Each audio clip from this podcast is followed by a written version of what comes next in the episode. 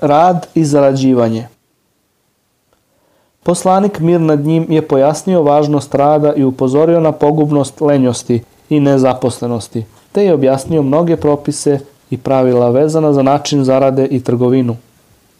Uzvišeni kaže, a kada se molitva završi, raziđite se po zemlji, tražeći Allahove blagodati. Kur'an poglavlje El Džumua. Boži poslanik mir nad njim je rekao, najbolja hrana koju jedete je ona koju ste zaradili sobstvenim rukama.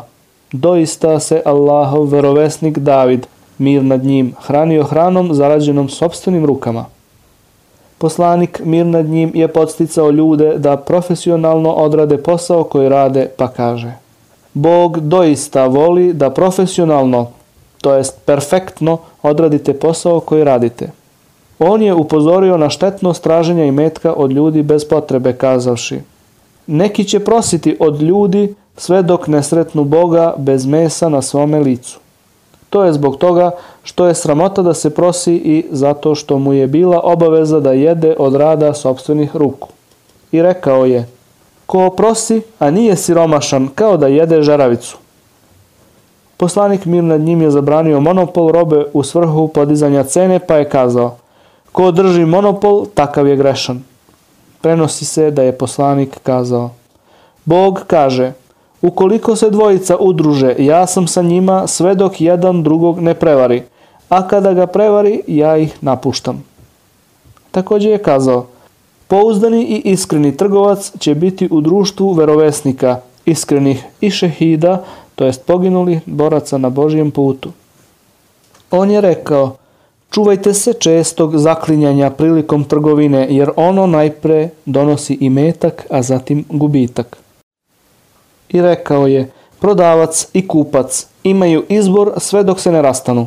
Ako budu iskreni i objasne stanje robe, onda će im biti dat bereket, to jest blagoslov u trgovini. A ukoliko lažu i sakriju manu falinku, bit će uskraćeni bereketa. I rekao je, dajte radniku platu pre nego što mu se znoj sa čela osuši. Također je rekao, Najbolja zarada jeste zarada sobstvenim rukama ukoliko radi kako treba. I još je rekao, zabranjeno je trgovati alkoholom. I rekao je, nemojte prodavati neubrane plodove sve dok se ne pokažu da su zdravi i da su sačuvani od mana. I rekao je, ko vara nije od nas. I još je kazao, musliman je brat muslimanu, nije mu dozvoljeno da mu proda nešto što ima manu, falinku, a da mu ne ukaže na nju. I rekao je, neka niko od vas ne prodaje na trgovinu svoga brata. I rekao je, trgovina je zasnovana na obostranom zadovoljstvu. Također je rekao, Allah voli lepo postupanje prilikom prodaje, trgovine i presuđivanja.